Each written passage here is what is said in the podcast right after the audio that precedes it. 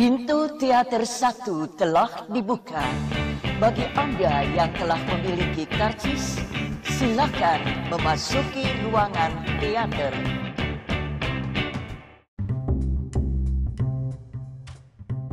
Baik lagi sama gue Mustafa di podcast Habis Nonton Film Kali ini gue akan ngebahas film tulisan Joko Anwar Bukan, kenapa yang gue highlight tulisan Joko Anwar ya Bukan saudara Kim Baik Kim Mustambul Nggak tau deh. Uh, Tulisan Joko Anwar dan disutradarai oleh Kim Mustambul Sebuah film remake uh, dari tahun 90, 19, 1981 yang dengan judul sama yaitu Ratu Ilmu Hitam. Atau kalau yang di letterbox judulnya adalah The Queen of Black Magic. Anjay keren banget. Ya The Queen of Black Magic. Wah itu fantastis banget tuh The Queen, The Queen of Black Magic tuh kayak kalau lu putar di luar negeri itu terus uh, terus masuk nominasi masih nominasi atau nominasi Oscar gitu ya contohnya. Uh, terus uh, nominasi film terbaik uh, and the nominees are The Queen of Black Magic Indonesia. Anjing. Jadi jadi kayak rasanya tuh Indonesia tuh penuh dengan mistis gitu ya. Kayak tempat yang sangat uh, apa ya menakutkan gitu Queen of Magic anyway uh, overall film ini better than perempuan tanah jalam ya. Kalau dalam bahasa Inggris judulnya Impetigor. Atau kalau dalam bahasa ya, Inggris yang uh, harfiah mungkin perempuan tanah jahanam ya. Uh, the Lady of Hell Land. Atau apa sih? The Queen of uh, ya itulah. Ini film lebih bagus daripada perempuan tanah jahanam. Gua gua adalah orang yang berada di sisi itu ya. Karena ada juga beberapa beberapa orang yang bilang kalau perempuan tanah jahanam lebih punya cerita yang masuk akal dan penceritaannya lebih bagus daripada ratu rat, sorry ratu ilmu hitam. Uh, aduh sorry apa tuh? Uh, tapi enggak menurut gue perempuan tanah jahanam tuh menurut gue sangat malas ya lazy writing gitu. Uh, seperti yang gue bahas di episode perempuan tanah jahanam. Tapi kalau Ratu Ilmu Hitam menurut gue sedikit lebih baik karena karena meskipun ceritanya kompleks uh, dan sama sama kompleksnya gini loh. Uh, Bang Joko itu suka banget membuat cerita yang kompleks gitu yang yang kenapa jadi rumit rumit rumit rumit rumit terus nanti di reveal di belakang. Nah itu sama.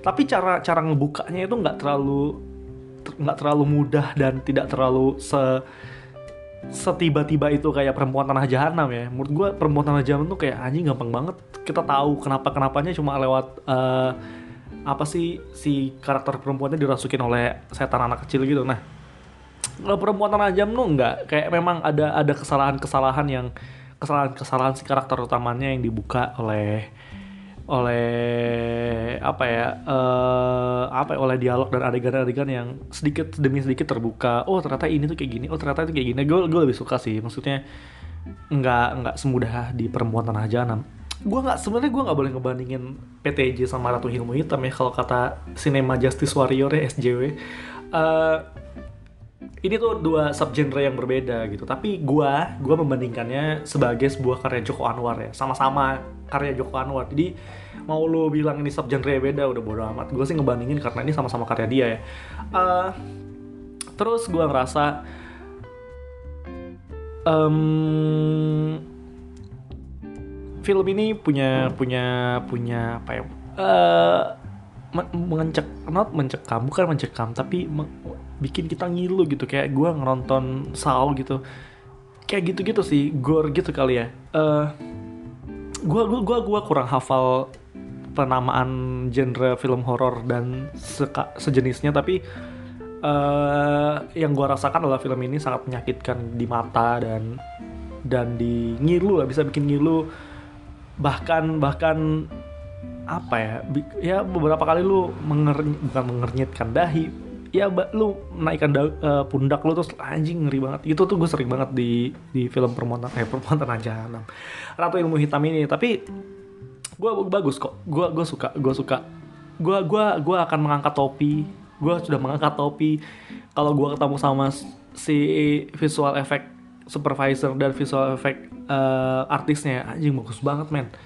Mas Kelik tadi gue baca mana namanya Mas Kelik. Keren banget keren banget keren banget keren banget. Uh, bagus banget gue suka banget compositingnya blend banget. Uh, kita tahu itu tuh adalah CGI tapi kita yakin kalau itu nyata gitu. Kita di di, di tengah-tengah itu gue suka banget loh. Anjing keren banget.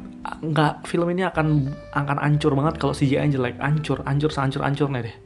Ancur seancur ancurnya gue nggak kebayang kalau film yang mengerikan dan penuh detail ini terus dikasih CGI yang asal-asalan wah bisa bubar sih bubar bisa bubar loh asli. Jelek banget pasti. Untungnya bagus banget ini.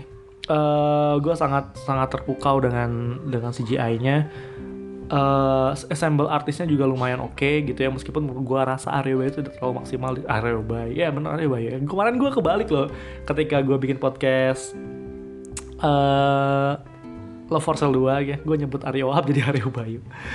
Uh, ya uh, terus ya Aryo Bayu umur gue kurang maksimal. Terus ini ngomong-ngomong Aryo Bayu ya.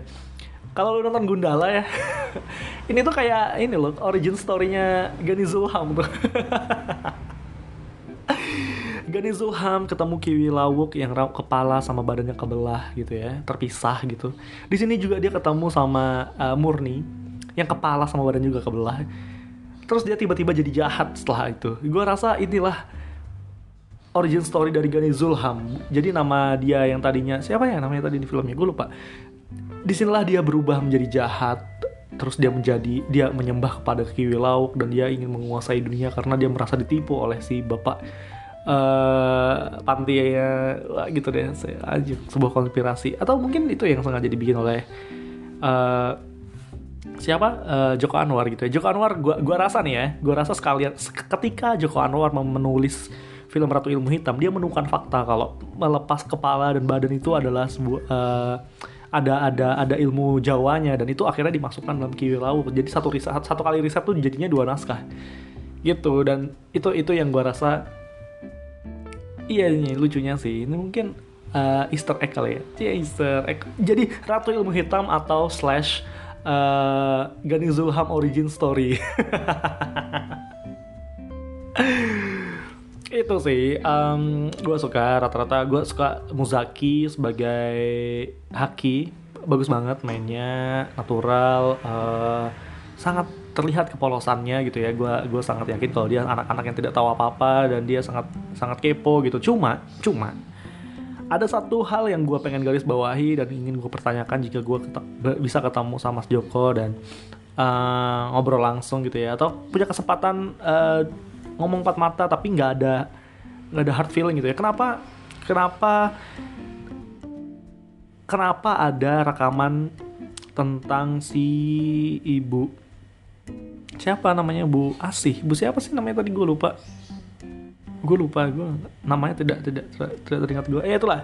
Si si ibu itu kenapa kenapa ada ada videonya? Karena karena kita tidak dibangun sebuah latar belakang ada karakter yang suka merekam kecuali foto ya. Foto itu punyanya Pak Bandi. Pak Bandi itu suka banget foto-foto tapi ngerekam. Dan kenapa dia merekam dengan gaya yang kayak gitu? Gue gua tuh selalu terganggu dengan penggambaran film horor Indonesia yang rekaman-rekaman footage-footage masa lalu itu uh, dibuat sedemiki, sedemikian horor gitu. Tidak terasa natural gitu. Uh, kenapa kenapa pengambilannya harus harus kayak gitu dan ada gerakan-gerakan horor itu gue gua nggak tidak natural aja. Gue kalau misalnya kita merekam masa lalu kan harusnya kejadian-kejadian sehari-hari yang yang yang natural gitu. Meskipun mau disisipkan informasi kalau di sana informasi di sana kalau si ibu panti asuhannya itu kejam uh, itu ya bisa aja sih. Cuma nggak harus dengan cara yang kayak gitu sih. Menurut gue gitu ya dan siapa yang rekam gitu? Anyone uh, asking the some question gitu ya the same question. Siapa? Siapa yang rekam kalau gue terlewatkan mo mohon di dijelaskan ya. Tapi menurut gue aneh aja tiba-tiba ada video rekaman dengan VHS gitu.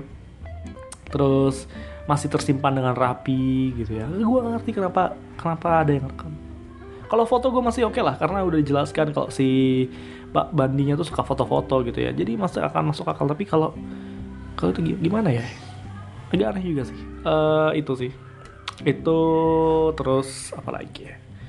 Apalagi apalagi apalagi uh,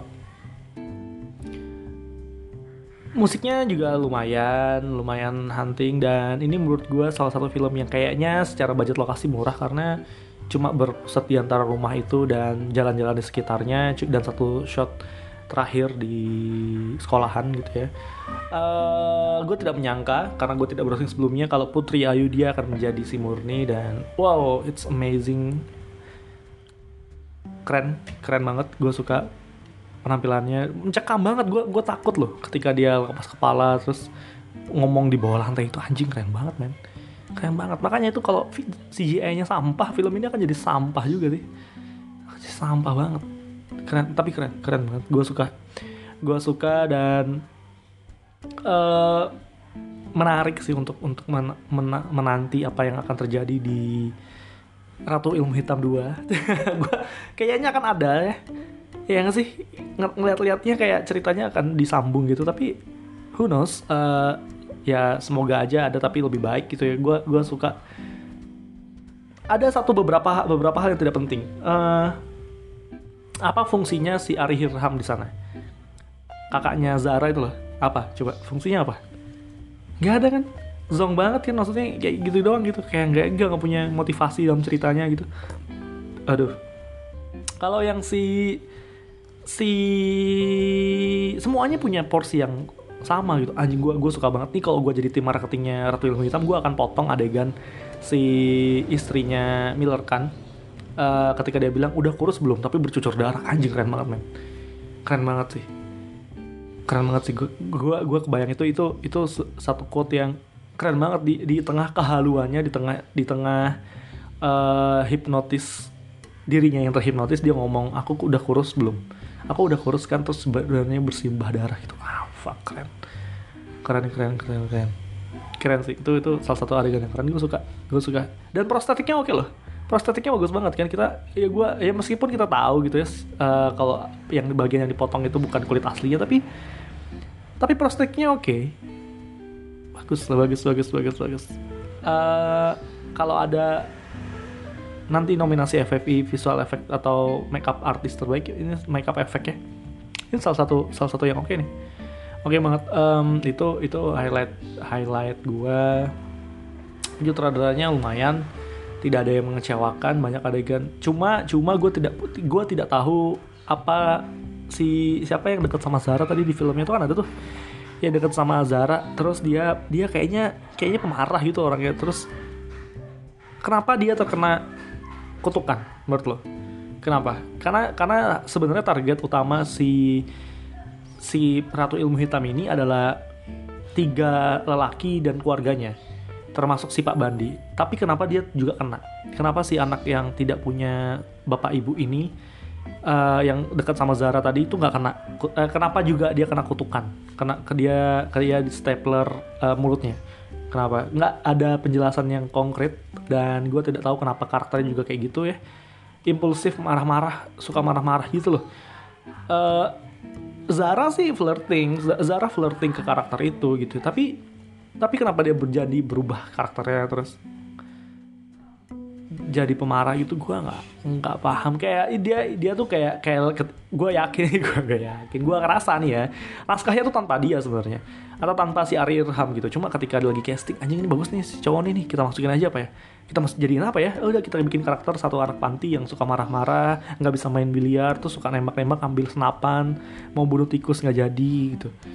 Iya dia mungkin kita mau ngeliatin dia tuh kejam gitu. Tapi tapi kenapa dia jadi dibunuh juga gitu oh mungkin gini dibunuh karena si si si ratu ilmu ratu ilmu hitamnya kan bilang kalau misalnya dia tidak ingin anak-anak panti itu tinggal di situ gitu ya. Uh, mungkin itu mungkin itu berlaku untuk anak-anak yang menurut gue ya itu berlaku untuk orang-orang yang sedang liburan. Anak-anak yang sedang liburan tapi untuk yang tidak liburan seperti yang si tadi itu nggak nggak ada tujuannya. Kenapa dia harus dibunuh? Kenapa? Apa masalahnya? Itu sih itu sih itu itu salah satu pertanyaan gue yang ya terbesit. Ini gue baru banget nonton uh, sekitar setengah jam yang lalu gue baru nonton gue terus gue langsung bikin podcast. Karena karena gue itu kalau nunda-nunda gue suka lupa apa yang gue tonton barusan. Ini murni pengalaman pengalaman menonton gue yang gue ceritakan apa yang gue tangkap di selama gue menonton. Dan orang di sebelah gue nontonnya sambil tutup mata which is good tujuan filmnya berhasil bikin orang ketakutan itulah film horor pada pada har, pada marwahnya eh yang menakuti orang gitu ya. Uh, cuma lucunya tadi gue gue nonton di bioskop yang salah satu bioskop langganan gue ya. Uh, berada di Jakarta Barat tempatnya sangat unik banget. Uh, nonton film nih udah berjalan 3 menit 4 menit kali ya. Lampunya nggak dimatiin men. Lampunya nggak dimatiin sampai akhirnya gue turun keluar terus gue tanyain mas ya mas ini lampunya belum dimatiin mas? Oh iya mas sorry. Tuh dimatiin lampunya. Pas dimatiin itu baru muncul tulisan Ratu Ilmu Hitam. Kalau lu nonton Ratu Ilmu Hitam lu bisa ngukur berapa lama tuh. Gue kira lupa gue kira nah ini kayaknya bentar lagi dimatiin. Eh ternyata enggak nggak dimati-matiin ternyata lupa. Anjing emang bioskop itu lucu banget sih. Lucu banget ngerti bioskop ini pernah gue bahas bareng teman-teman open di tengah malam. Dengerin aja podcastnya kalau lu mau tahu bioskop apa dan kayak lu pengen tahu pengalaman di luar film ya. Pengalaman menonton film yang di luar film gitu. Coba main-main ke bioskop itu buat bioskop yang sangat unik. Uh, apalagi ya kalau lu punya gue gue sih tim RIH lebih bagus daripada PTJ ya. Gue tim itu uh, tanpa maksud jelek ya. Gue gue tidak membanding bandingkan dengan tujuan lain. Gue cuma pengen tahu dari karya Joko Anwar gitu yang keluar tiga tahun ini ada Gundala, Perempuan Tanah Jahanam, Ratu Ilmu Hitam, mana sih yang lebih oke? Okay? Kalau Gundala nggak mungkin dibandingin lah sama ini karena jauh banget. Tapi kalau PTJ sama RIH masih dalam satu darah yang sama dan gue rasa membandingkannya juga masih oke-oke aja. Tapi gue juga pengen tahu apakah apakah sebenarnya Joko Anwar tuh memang lebih bagus menulis saja daripada menulis dan menyutradarain karena tulisannya di PTJ sangat sangat sangat lazy sangat wah, wah gitu lah maaf banget nih bang kalau kalau denger terus gue ngomong lazy lazy cuma itu aja gue rasakan ya sebagai penonton gue tidak masuk menghina uh, tapi di Ratu Ilmu Hitam lebih sedikit lebih rapi. Itu sih. Itu sih keren. Keren keren keren. Gue gue sampai sekarang masih belum bisa menikmati film horor tapi kalau yang kayak gini kayak gini masih oke okay lah. Masih bisa. Tapi kalau horor yang mencekam mencekam gitu enggak. Cuma ini menakutkan sih mukanya masih menakutkan dan gue gue cukup gue gue gue cukup terganggu kenapa penggambaran film horor dialognya selalu dibikin, dibikin menyeramkan gitu loh. Kenapa nggak bisa se, se natural biasa aja gitu? Nggak usah nggak usah dibikin bikin kayak ya kamu boleh makan di sana. Ya kamu uh, enggak kok aku udah begini. Kenapa harus dibikin sekaku dan se se, se misterius itu gitu? Natural aja kali ya bisa kali ya. Yang menakutkan kan adalah situasinya gitu. Uh, akan waktu uh, adegan akan menjadi menakutkan jika kita digambarkan atau jika kita dibangun oleh situasi yang mengharuskan kita untuk takut gitu bukan dibuat-buat. Kayak dialog antar manusianya atau orang-orang panti asuhannya yang kita dibikin bertanya-tanya. Gue sih gue yakin sebenarnya kenapa dibikin misterius itu karena kita dibikin bertanya-tanya siapa sih yang jahat di antara mereka gitu sih. Cuma yang nggak perlu dibikin se, se misterius itu lah nggak perlu kalau menurut gue sih nggak perlu uh, itu aja. Untuk episode kali ini jangan lupa kalau misalnya lu punya in, punya pendapat atau gue salah ngomong atau lu punya informasi lain komen aja di Instagram atau di Twitter at habis nonton film. Sampai jumpa di episode selanjutnya. Dadah